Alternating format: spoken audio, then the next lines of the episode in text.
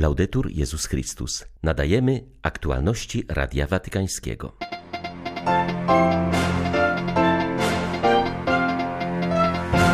Komunikacja musi być dwukierunkowa. Nie wystarczy przekazywać informacje, trzeba zobaczyć, jak ludzie na nie odpowiadają, powiedział Franciszek na audiencji dla watykańskich mediów. Przed ideologiczną kolonizacją w oświacie przestrzegł papież katolickich nauczycieli. Ona niszczy człowieka, a kiedy przedostanie się do szkoły, prowadzi do zagłady, podkreślił Ojciec Święty. Bóg daje nam znaki swej obecności, potwierdza, że Ukraina jest coraz bliżej zwycięstwa, mówi arcybiskup Światosław Szewczuk, komentując wczorajsze wyzwolenie Hersonia. 12 listopada witają Państwa ksiądz Krzysztof Ołdakowski i ksiądz Tomasz Matyka. Zapraszamy na serwis informacyjny. W waszej posłudze trzeba nie tylko przekazywać informacje, ale też nasłuchiwać, jak ludzie na nie odpowiadają, wskazał papież do pracowników watykańskich mediów. Ojciec Święty przyjął ich na zakończenie sesji plenarnej dykasterii do spraw komunikacji. Podczas spotkania zostawił uczestnikom przygotowany wcześniej tekst do późniejszego indywidualnego przeczytania, a sam mówił spontanicznie. Franciszek wyraził wdzięczność za działalność watykańskich mediów. Cieszy go, że jest w nich przestrzeń do zmian i rozwoju. Jak zauważył, ten proces reformy nie został jeszcze zakończony. Ojciec Święty zaznaczył również, czym musi się charakteryzować dobra komunikacja dwukierunkowością, odważnym, nawet ryzykownym wychodzeniem w przód i poza, poszukiwaniem osoby oraz ludzkim podejściem. Kolonizacja ideologiczna niszczy człowieka, a w szkolnictwie prowadzi do zagłady, powiedział papież na audiencji dla Światowej Unii Nauczycieli Katolickich. Podkreślił, że choć pedagodzy muszą dotrzymywać kroku kulturze i posługiwać się aktualnym językiem, to jednak nie mogą ulegać ideologizacji. Franciszek wskazał na ogromne znaczenie misji pracowników edukacji. Każdy z nich pozostawia po sobie ślad w życiu swych uczniów, dobry lub zły. Z własnego doświadczenia wiemy, jak ważne jest mieć dobrych nauczycieli i mądrych wychowawców, mówił papież. La presenza di educatori cristiani nel mondo della scuola è di vitale importanza. Obecność chrześcijańskich nauczycieli w świecie szkolnym ma fundamentalne znaczenie. Ważny jest też ich styl. Wychowawca chrześcijański jest bowiem powołany do bycia zarówno w pełni człowiekiem, jak i w pełni chrześcijaninem. Nie ma humanizmu bez chrześcijaństwa ale nie ma też chrześcijaństwa bez humanizmu. Wychowawca nie może być tylko uduchowiony i pozbawiony kontaktu ze światem. Musi być zakorzeniony w teraźniejszości, w swoim czasie, w swojej kulturze. Ważne jest, aby jego osobowość była bogata, otwarta, zdolna do nawiązywania szczerych relacji z uczniami, do zrozumienia ich najgłębszych potrzeb, pytań, lęków, marzeń. I musi też świadczyć, przede wszystkim swoim życiem, ale także słowami, że wiara chrześcijańska obejmuje całego człowieka, że wnosi światło i prawdę w każdą sferę istnienia, niczego nie wykluczając, nie podcinając skrzydeł marzeniom młodych ludzi, nie zubażając ich aspiracji. W tradycji Kościoła wychowanie młodzieży miało bowiem zawsze za cel pełną formację osoby ludzkiej, a nie tylko przekazanie pewnych pojęć czy wiedzy, formację we wszystkich wymiarach człowieczeństwa. La formazione in tutte le dimensioni umane. Franciszek zauważył, że nauczyciele muszą dostosowywać swą pracę do nowych warunków, a także do zmian, które zachodzą w świecie i kolejnych pokoleniach uczniów. Mają przyjmować języki i formy kulturowe dostosowane do dzisiejszej młodzieży, ale nie mogą ulegać ideologiom. Ale jedną rzecz chciałbym podkreślić. Powiedziałem języki dostosowane do dzisiejszych form kulturowych. Tak, lecz uważajcie na kolonizację ideologiczną. Bo jedna rzecz to dotrzymywanie kroku współczesnej kulturze, posługiwanie się aktualnym językiem, a czym innym jest uleganie ideologicznej kolonizacji. Proszę Was, bądźcie ostrożni, abyście pomagali innym nauczycielom w rozróżnianiu, co jest nowością, która prowadzi do rozwoju człowieka, a co jest ideologizacją, kolonizacją ideologiczną.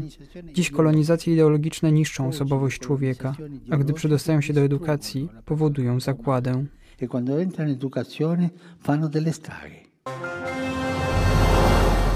Hasłem obchodzonego jutro Światowego Dnia Ubogich są słowa Chrystus dla was stał się ubogim. Został wyznaczony przez papieża Franciszka na 33. niedzielę w liście Misericordia et Misera, wydanym na zakończenie nadzwyczajnego jubileuszu miłosierdzia w listopadzie 2016 roku.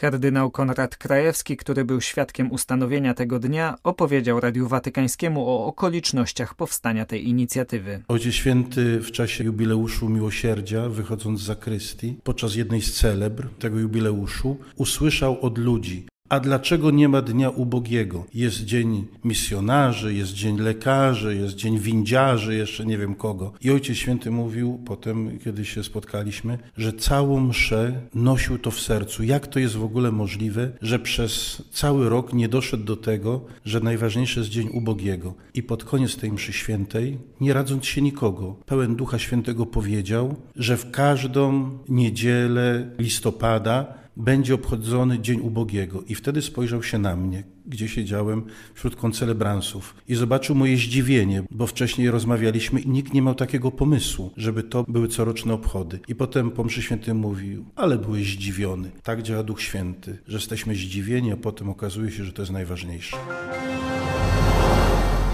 Ze łzami w oczach patrzyliśmy wczoraj, jak mieszkańcy Hersonia i okolic witali ukraińskich żołnierzy z kwiatami, z naszymi flagami narodowymi, a co najważniejsze ze wzruszeniem i z uśmiechem, że nareszcie są wolni. Tak mówił w swoim dzisiejszym orędziu arcybiskup Światosław Szewczuk. Ukraiński hierarcha zaznaczył jednak, że wojna się nie skończyła, a rosyjskie wojska dalej atakują nie tylko cele wojskowe, ale również ostrzeliwują oraz gnębią ludność cywilną. Bóg daje nam jawne znaki Jego obecności wśród nas, znaki tego, że Ukraina dzień za dniem jest coraz bliżej zwycięstwa, wskazał zwierzchnik miejscowych grekokatolików. Podkreślał też zasady i prawidła, jakie należy brać pod uwagę, aby uleczyć rany jego ojczyzny. Kontynuował przy tym swoje rozważania z poprzednich dni. Jest jeszcze jeden wymiar egzystencji człowieka, ludzkiej istoty, jaki również powinniśmy nie tylko prawidłowo przeżywać, ale wręcz wykorzystywać go do leczenia ran Ukrainy. Człowiek to byt, który stale się zmienia. Widzimy, że nie ma dwóch jednakowych dni, wciąż przechodzimy zmiany. A jeśli w trakcie tych zmian nie rośniemy i się nie rozwijamy, wówczas podlegamy umniejszeniu oraz degradacji. Aby profesjonalnie, mądrze, roztropnie, w odpowiedniej chwili móc być przy osobach potrzebujących naszej pomocy, uleczenia ran, powinniśmy wszyscy razem nieustannie pracować nad sobą i uczyć się. Kto się nie uczy, nie pracuje nad sobą, nie zdobywa nowej wiedzy, staje się powierzchownym, przeciętnym. Jest zbyt leniwy, by wgłębić się w jakiś problem. Usiłuje ciężkie, niełatwe sprawy rozwiązywać wyłącznie prostymi sposobami czy środkami. Dlatego zwykle kończy bez sukcesu, a może nawet stanowić zagrożenie. Nieumiejętny lekarz, tak samo jak nieumiejętny ksiądz, może przynieść wiele szkód. Stąd mówimy, że najważniejszym przykazaniem lekarza, a także osoby duchownej jest nie szkodzić. Brak wiedzy, pojęcia, zbyt wąski pogląd na życie i procesy społeczne nie tylko będzie przeszkadzać w leczeniu obecnych ran Ukrainy, ale może nawet zadać nowe rany oraz przyczynić się do nowych cierpień. Mieszkańcy terenów wyzwolonych na Ukrainie potrzebują pomocy humanitarnej. Największym problemem jest w tej chwili przywrócenie elektryczności i dostaw gazu. Ludzie obawiają się nadchodzącej zimy. Z pomocą śpieszą im katolickie parafie z innych regionów kraju. Wyjazdy z pomocą humanitarną są organizowane przez prowadzony przez Dominikanów Dom Świętego Marcina de Port w Fastowie koło Kijowa który od początku wybuchu wojny stał się jednym z najważniejszych centrów pomocy humanitarnej prowadzonej przez Kościół rzymskokatolicki na Ukrainie. Mówi proboszcz parafii Fastowie ojciec Mikajło Romaniw. Ludzie, którzy y, mieszkali pod okupacją praktycznie wszyscy od 26 lutego po 10 września, po dzień dzisiejszy nie mają prądu, dlatego wozimy też świece, piecyki i to wszystko, co potrzebne do tego, żeby się zagrzeć. Otworzyliśmy też w Fastowie taką szwalnią kołdr, E, Poszliśmy w tej szwalni już 300 e, i zawieźliśmy około 500 na Balakliję, dlatego że ci ludzie bardzo potrzebowali ciepłych rzeczy i potrzebują je nadal. Wyjazd z pomocą humanitarną, jaki odbył się w tym tygodniu, to około 12 ton żywności i 3 tony innych potrzebnych artykułów. Wśród nich były okna do szybkiego montażu, które Dom Świętego Marcina otrzymał z Polski. Z Ukrainy. Dla Radia Watykańskiego ksiądz Mariusz Krawiec, Paulista. Nie da się usprawiedliwić tej wojny w żaden sposób. Tak powiedział Bartłomiej o konflikcie na Ukrainie. Ekumeniczny patriarcha Konstantynopola przyjął katolickich pielgrzymów w ramach zorganizowanego przez jedno z dzieł rzymskiego wikariatu wyjazdu śladami świętego Pawła.